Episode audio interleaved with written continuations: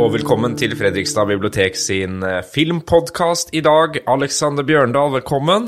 Hallo? Ja. Hei. Per Jarte Olsen heter jeg, og i dag så er det topp tre debutfilmer av regissører. Ja. Ja. Det var litt av en liste når vi begynte å gå igjennom eh, selvfølgelig hver for vårs. Vi vet jo ikke hva den andre har valgt. Nei. Men det er jo hundrevis av gode debutfilmer, rett og slett. Ja, det er veldig vanskelig, var en veldig, vanskelig oppgave. Men uh, til slutt så måtte jeg bare bestemme meg for, uh, for tre. Ja. Jeg gikk for uh, tre Hjerte? filmer som liksom Ja, som har betydd mye for meg, men og, og kanskje litt hvordan disse regissørene har gjort det i ettertid, da. Ja. Eh, har jeg lagt vekt på i et, et par anledninger, og så er jeg én litt utpå siden. Ja. Jeg har hatt litt sånn forskjellige perspektiver. Så enn som du sier, hva de har gjort etterpå. Uh, en annen ting er sånn der uh, Er dette den viktigste filmen deres? Ja, for når man går gjennom lista, så kan man jo kanskje se at det ligger Enten så ligger det et sånn kunstnerisk potensial, Ja. eller så har en regissør brukt veldig mye av sin personlighet, sin tematikk, Ja. stilen, allerede i debutfilmen. Og det er jo veldig gøy, da. Ja. Hos noen så ser du at eh, OK, ja, som du sier, potensialet. Wes Anderson, for eksempel. Ja. Uh, du ser at dette, ok, dette kommer til å bli veldig bra framover, men det er ikke helt der ennå. Så jeg har tenkt litt sånn, da. Og så har du jo kremeksempelet, da, fra 1941, Ja. med Orson Wells. Vi kommer ikke utenom. Nei, vi kommer ikke utenom det. Det som mange mener er verdens beste film, sånn filmhistorisk. Citizen Kane. Ja. Hans debutfilm, altså. Og det, er- han er vel i kategorien med at han Det ble vel ikke bedre enn det? Nei, det- Nei, jeg vil jo påstå at uh, Citizen Kane du, du kommer ikke utenom den som kanskje hans uh, fremste verk. Men uh, Selv om jeg hadde flere gode filmer, altså. Det er ikke det, men den Nei. er så den har- ikonisk. Den er ikonisk, Ja. og den hadde jo noen grep og noen filmatiske grep som var helt sånn nyvinnende for tida si. Mm. Bare åpningssekvensen hvor man flyr gjennom et vindu. Mm. Det var litt sånn hvor, Hvordan fikk man det til? Han, han eh, brakk opp gulvet så han kunne sette kameraet ned i gulvet for å gjøre liksom denne morgulen enda større. Mye sånn nyvinninger, da, Mm. Ja. som, eh, som vi så for første gang. Så var han stormannsgal. Absolutt. Det må det kanskje være for å Og så har vi jo John Houston, eh, samme året, 1941, Mm. som eh, debuterte med Malteserfalken. Mm. Eh, og som senere gjorde veldig mange store, eh, ikoniske filmer, da. Som Mm. Afrikadronningen, The Misfits, Treasure of Sierra Madre, Asfaltjungelen. Mm. Store, klassiske 50- og 60-tallsfilmer. Mye sånn Humphrey Bogart. Ja, ja. Gutta på tur. Det er gutta på tur, Ja. altså. Det skal jeg love deg. Men eh, vi kommer helt sikkert tilbake til eh, andre debutfilmer på, på lista når vi har tatt våre topp tre. Mm. Så vi kan spare de eh, til da. Og så har vi sikkert noen bobler òg i dag. Nettopp. Ja. Nettopp. Det er, det er mye å snakke om etter at lista er ferdig. Mm. Men skal vi fyre løs med din nummer tre? Det kan vi godt gjøre. Eh, dette er da en film eh, som jeg vet begge har sett.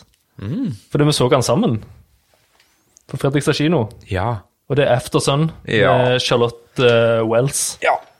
Fantastisk Eh, film. Kommer ikke utenom den.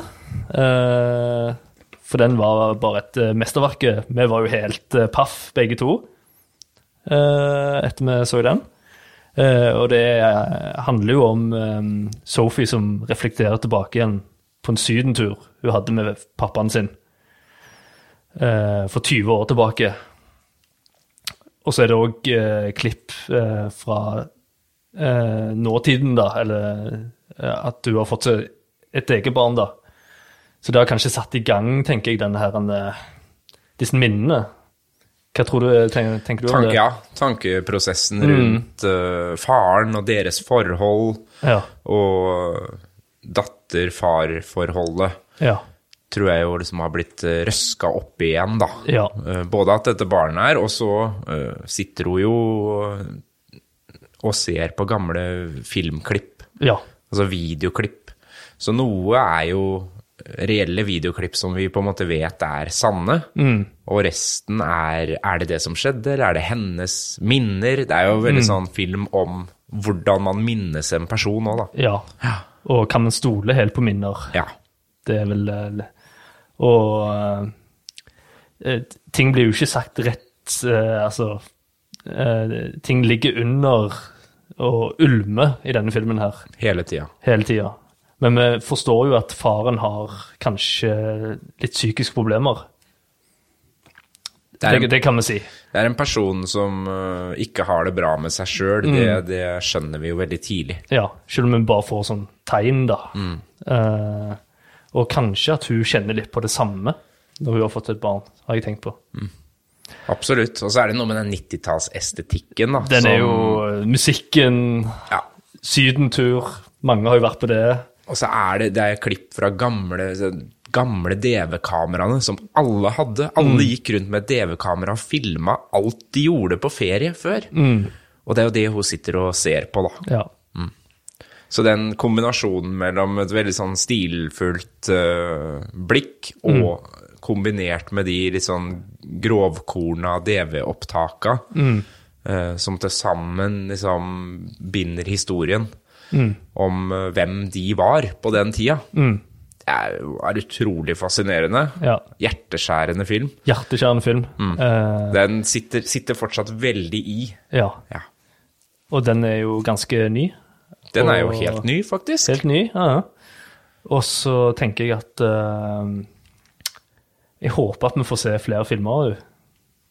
Men jeg tenker òg at det er vanskelig når hun har formidla denne Det må jo være kanskje en av de liksom sterkeste historiene i hennes liv. Hvordan skal du liksom greie å toppe det på et vis? Ja, for hun har jo gått et stykke i hvert fall i å antyde at det er noe selvbiografisk i Ja. den filmen her. Eh, og vi har jo sett en kortfilm av henne også, Ja. Eh, med litt samme tematikk, Mm. eh, som hun på en måte har perfeksjonert i Aftersun. Ja. Så spørsmålet er jo hva er veien videre for Charlotte Wells nå? Ja. Ikke sant? Skal skal hun bevege seg i samme landskap, eller har hun andre historier å, å fortelle med det filmspråket som, som vi, var, vi var så veldig imponert over hvor, hvor trygg den filmen var, sånn filmatisk. Hun er vel fra Skottland, eller? Ja, Mm. Men i stilen så var det mer fransk, følte jeg. Ja. Veldig inspirert av franske måten å lage film på. Claire Denis og, og hele den gjengen. Mm. Så nei, det var min nummer tre. Jeg er spent. uh, Ja, det er, en- det er en god nummer tre, så ja, ja. takk for det. Vi, jeg, min nummer tre er eh, Alejandro González Inaritu, som uh, lagde Amores Perros Mm, ja. i 2000. Den meksikanske regissøren som eh, senere da lagde Birdman og The Revenant, blant annet. 21 gram, var det han? Ja, det her er jo første filmen i dødstrilogien. Yes. Ja, Som da består av Elskede kjøtere, da, som han heter på norsk, og 21 gram, og Babel. Som er eh, mosaikkfilmer. Det vil si at det er flere historier uh, som på en eller annen måte liksom bindes sammen. Ja. Såkalt hyperlink cinema. Ja. Hvor du har et persongalleri, og du har flere narrativer som, som møtes eller omtaler liksom et større tema, da. Og hele den trilogien, den utforsker sommerfugleffekten. ja. Altså, hva skjer hvis én gjør det, som igjen fører til Ja, hvordan, hvordan påvirker rett og slett verden hverandre? ja. Eh, og han starter ganske kompakt i Amaros Peros, og så i Babel så er det mer sånn nesten på et internasjonalt nivå, hvordan eh, mennesker påvirker hverandre, da.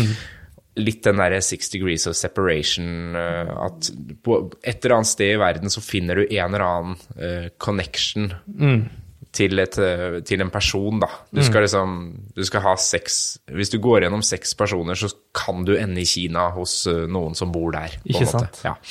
Så det er veldig spennende utgangspunkt, og har jo for det første en veldig sterk debut. Mm. Ganske sånn rå. Veldig rå. Ja. 90-gritty, håndholdt kamera, en hektisk filmopplevelse. Mm.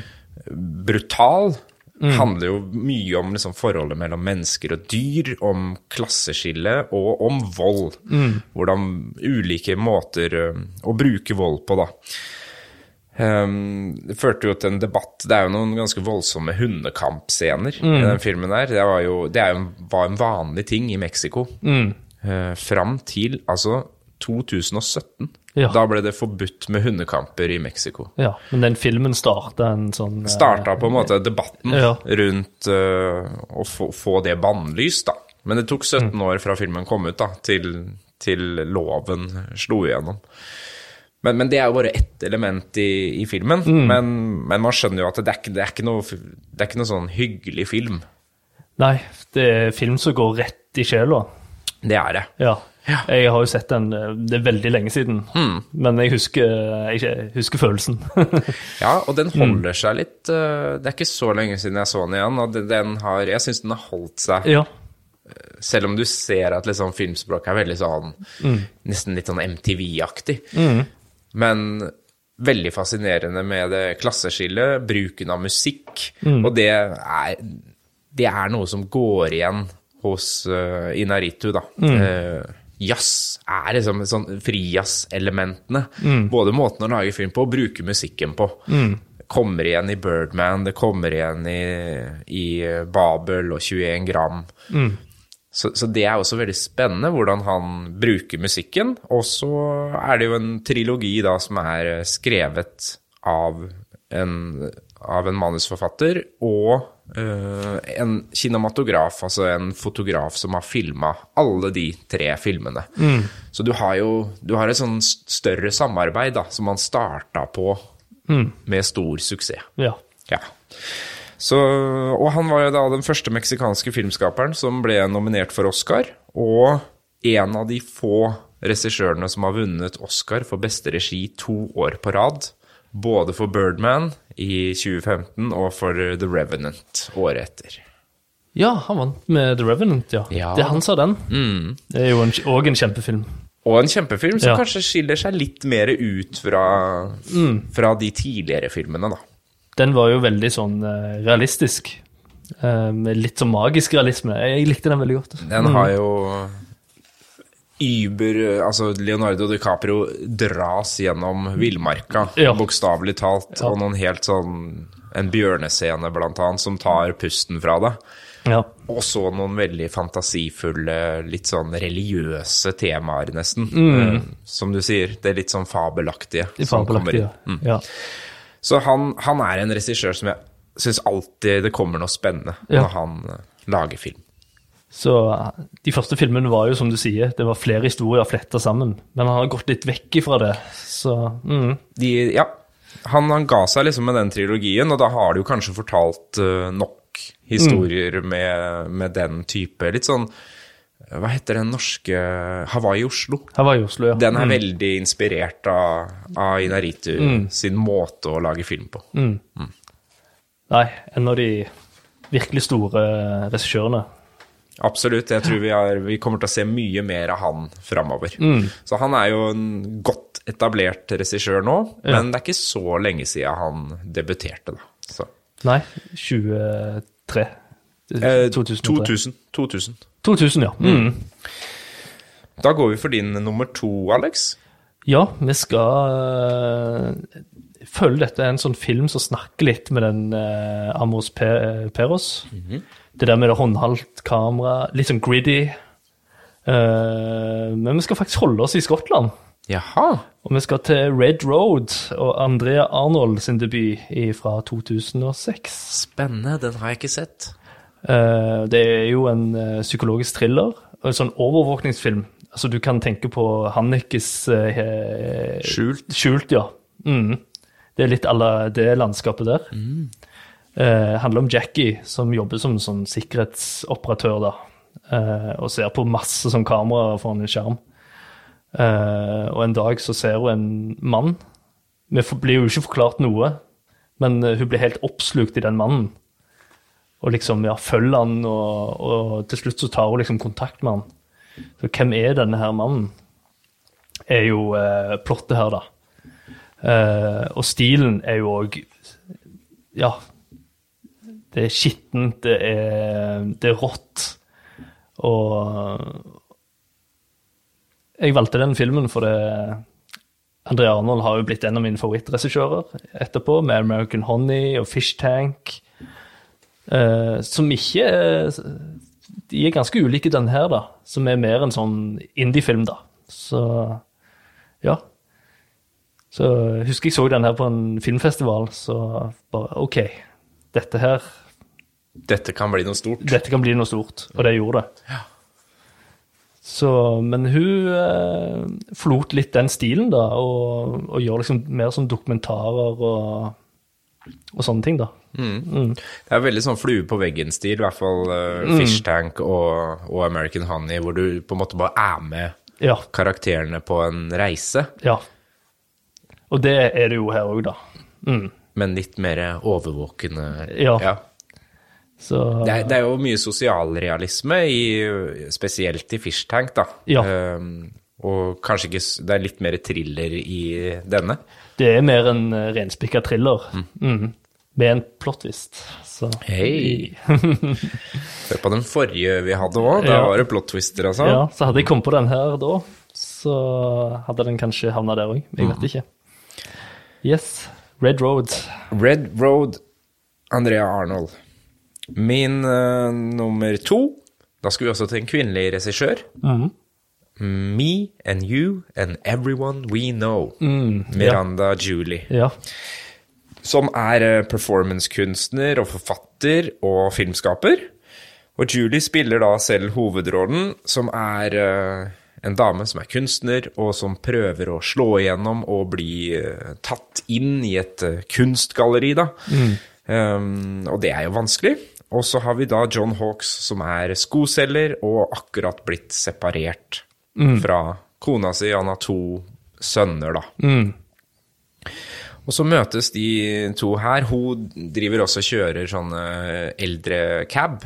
Ja. Altså hun kjører gamle mennesker dit de trenger å, å komme seg. Og så er de da på skobutikken for å kjøpe sko til eh, han hun er ledsager for. Ja. Og da møtes de. Litt sånn holiday cute, meet cute, Ja. som man snakker om i The Holiday. Hvordan to karakterer Ja, jeg skulle kjøre en for å kjøpe sko, og så hadde jeg litt vondt i bena, så jeg trengte nye sko, jeg òg. Og så kommer det en skoselger, da. Jeg husker ennå sitatet. Jeg tror første kommentaren hans er 'Du fortjener ikke denne smerten'. Det er helt riktig. Og han ser jo da Er, er de skoa der noe gode? sier han. Ikke Ja. sant? Så sier hun ja, nei, det, jeg får jo sånn på ankerne. Det, det gjør jo litt vondt, men, men det gjør alle sko. Og Ja. så sier han du tror du fortjener denne smerten, men det gjør du ikke. Ja. Og det er jo utgangspunktet for eh, deres eh, forhold, da. ja. Så det er en, en, en veldig, veldig sånn kos film, men også en veldig sår film. Veldig på det menneskelige plan. Og her er det veldig mange små fortellinger, i tillegg til den store fortellingen om de to, da. Mm. Vi møter eh, barna hans, og vi møter naboene. Vi møter kunstkuratoren som hun prøver å innynde seg hos. Og vi lurer på hva den rare tikkende lyden som vekker barna hans hver morgen, er for noe. Så her er det Det er noen sånne morsomme, små Nesten anekdoter Ja. underveis som blir fortalt. Miranda Julie er jo òg en uh, veldig bra forfatter. forfatter. Ja. Hun, har vel, hun har vel, har vel en novellesamling, og det, det bærer jo også den filmen her litt preg av. At alle disse små historiene, det er bitte små noveller som kanskje kunne vært en hel historie i seg sjøl. en bittersøt eh, film om det å rett og slett være seg sjæl. Om noen rare seksuelle preferanser som man ikke har lyst til at andre skal få vite om. Men først og fremst da et veldig sånn søtt møte, syns jeg, mellom to personer som helt tydelig har levd liv før. Og som møter hverandre med den bagasjen de, de har, da. Så er det deilig, syns jeg, å se Julie og Hawks De er så nydelige mennesker i den filmen. Det er så fantastiske karakterer som man blir veldig glad i. Veldig inderlige, veldig sårbare. Og dette er vel liksom den mest indie kjærlighetsfilmen som jeg kan komme på. Ja. Ja, Den er, føltes veldig eh, original når jeg så den. veldig original. Det var Ja. Og så har jo ikke Julie fulgt opp med noen sånne store filmer etter det. Eh, hun har laga et par andre, men der er kanskje et godt eksempel på en regissør som brukte veldig mye av ideene sine og Ja. av det gode innholdet på første forsøk. Ja. Og gjorde det helt mesterlig. Men hun har jo, ja Hun utgir jo fremdeles bøker, så det er nok kanskje det hun satser mest på. Ja, og så jobber hun, er, har hun jo performancekunsten og gjør vel mye scenisk. Ja. Så jeg er ikke bekymra for henne. Nei, Hun lagde en fantastisk debutfilm. Da er det din tur. Da er Da har vi kommet til toppen av lista di, Alex. Ja, da er det nummer én, Ja. og det er litt av en førsteplass. Eh, Først vil jeg bare Noe jeg glemte å nevne med den Red Road. For du har jo snakket om Lars von Trier før.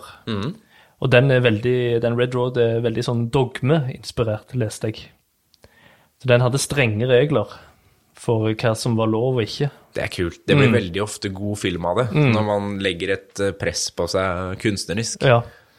Så, Det er interessant. Så det kan være liksom litt av grunnen at han ikke minner så mye om hennes andre filmer. Så det var bare en, eh, en tanke før uh, førsteplassen. Ja, ba-da-ba-ba-ba. Og jeg går bare rett på. Det er Cynic Dog New York. Oi! Charlie Coffman. Ja. Wow. Vi har vel vært innom han før eh, et par ganger. Charlie Kaufman, en av de beste manusforfatterne som fins, og mest originale Ja. manusforfatterne du kan finne. Og utrolig nok så er jo dette her eh, regidebuten hans. Men før så har han jo lagd manus til Being John Malkovich og Eternal Sunshine Eternal- of the Spotless Mind. Ja. Som er bare noe av de mest sånn eh, kreative, originale filmene som fins. Og så kommer Cynic Dog New York, uh, som jeg føler at det er hans mesterverk. Det er sånn han vil at filmene skal bli. Eh, Ganske krevende film. veldig krevende film. Den er lang. Uh, handler om hans Det er jo Seymour Hoffman i hovedrollen. Philip Seymour, vet du. Ja. Han er teaterregissør som gjennomgår en slags livskrise. Og da forsvinner kona òg. Eh, og da bestemmer han seg for å lage det ultimate teaterstykket som verden har sett. Og- Et levende, evig pågående teaterstykke. Ja. Som eh, Du greier jo ikke helt å skille hva som er hans eh, virkelige liv og teater. Alt smelter sammen her. ja. ja. Og fascinerende kulisser. Altså New York eh, Ja. Og som du sier, eh, veldig krevende. Eh, og en film du må se flere ganger for å liksom få med deg alt. Krevende, men veldig fascinerende. Ja. Og disse kulissene de fortsetter jo å bli større og større, og han, han bygger jo på en måte sitt eget lille univers. Ja. Ja. Så, og det er jo sånn i forlengelse en personlig krise hvor selv om han viser mer og mer fram, så går han jo også mer og mer inn i seg sjæl. ja. Så det er jo et kjempespennende konsept. Og Kaufman, han tar jo ofte eh, det abstrakte og gjør det helt bokstavelig. Det gjør han jo også i Eternal Sunshine of the Spotless Mind, ikke sant? Hvor, eh, hvor Jim Carrey da kjører etter Kate Winslet og sier Alt faller jo bare sammen i forholdet vårt, og så ser du bare bygninger, hus i bakgrunnen raser ned. Ja. Altså, han billedliggjør og Altså, det er ikke noen metaforer. Her er det rett på det formspråket hans, da, er uh, nesten sånn direkte overførbart fra eh, Fra liksom språket. Så jeg tenker sånn Being John Malcolm altså De forrige filmen er jo lagd av andre regissører. Eh, de er nok mer tilgjengelige på et vis. Altså, de, er, de har litt mer humor.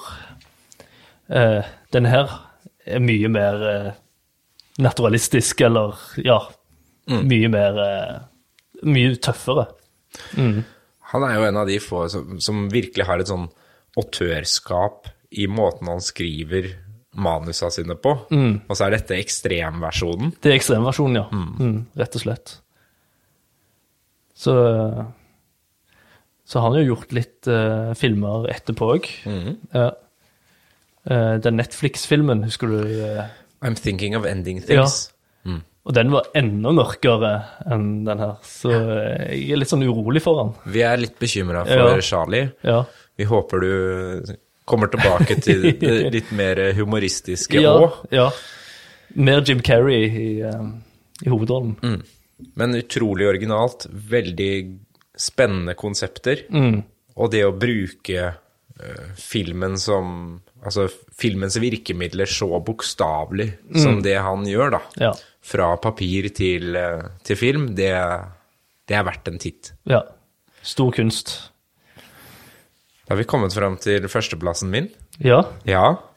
Da skal vi gå på en skikkelig klassiker. Vi skal til 1957. Oi. Sidney Lumet, Ja.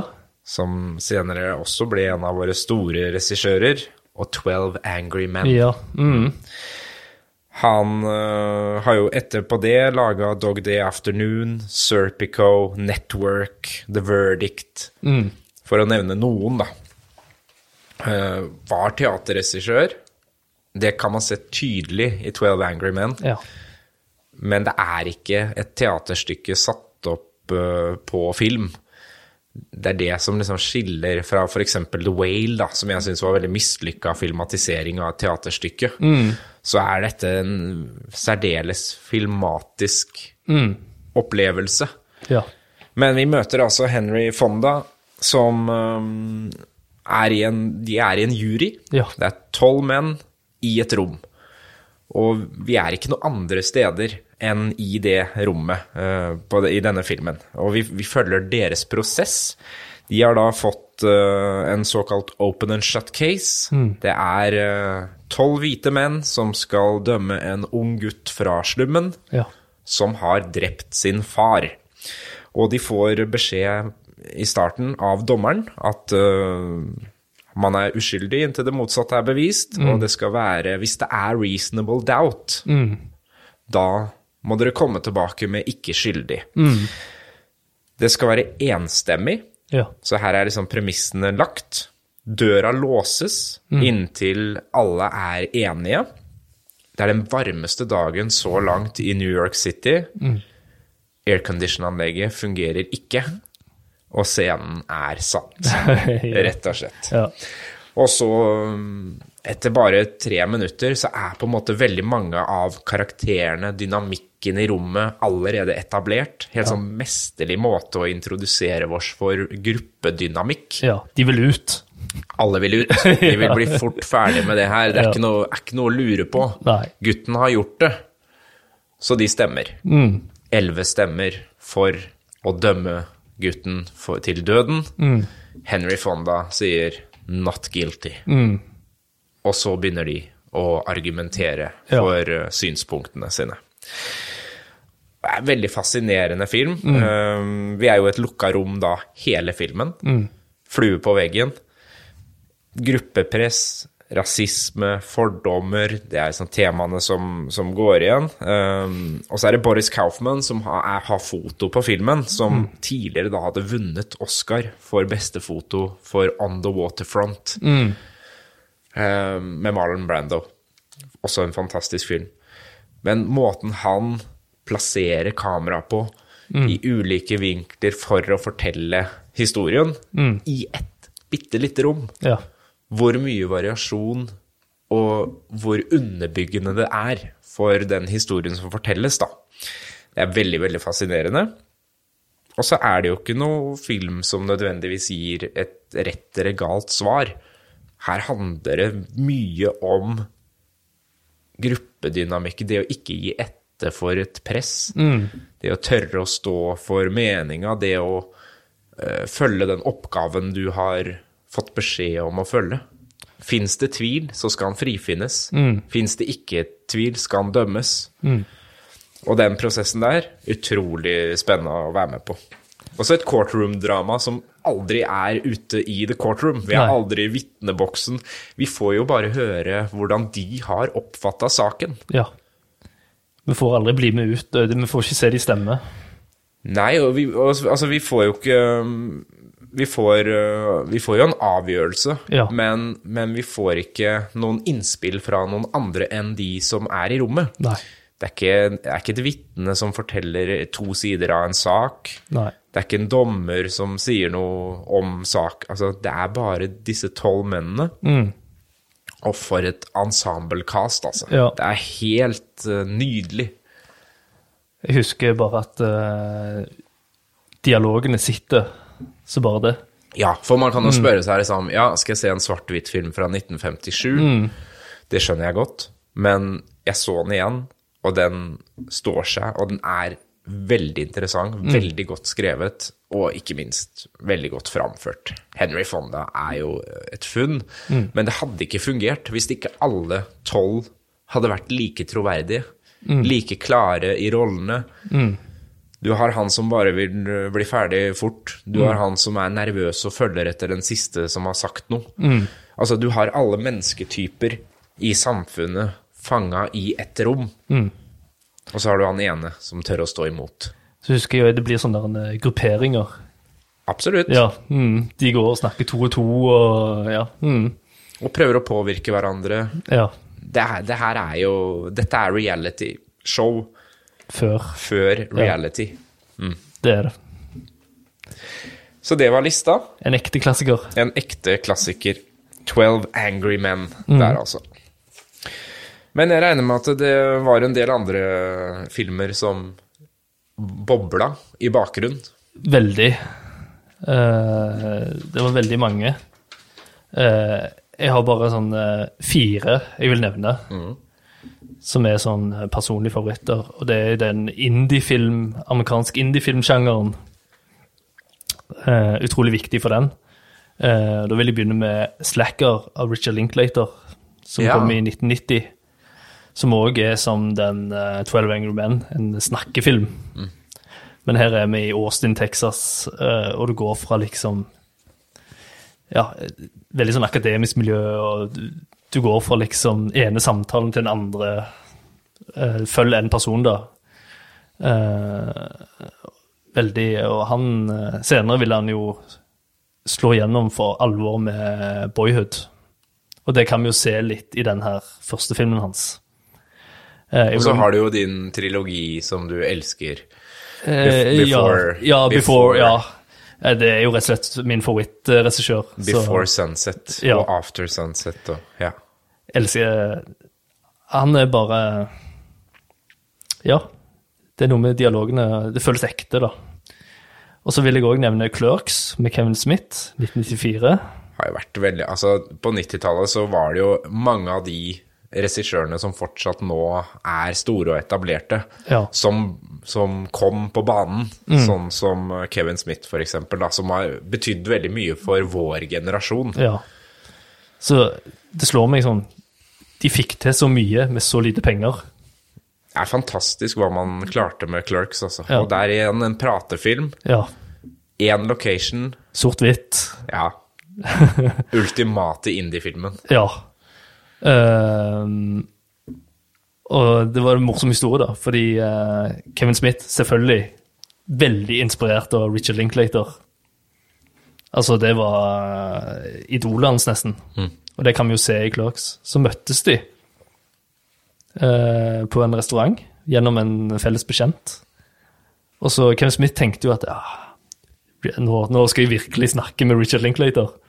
Men uh, Linklater var bare stille gjennom hele eh, restaurantbesøket. Nei. Det ble ikke noe snakkefilm. Så tråkig. Ja, tråkig, da. Mm. Kan- Yes. Har du noen uh... Ja da, jeg har jo også noen sånne. Um, jeg vil trekke fram uh, Guy Ritchie.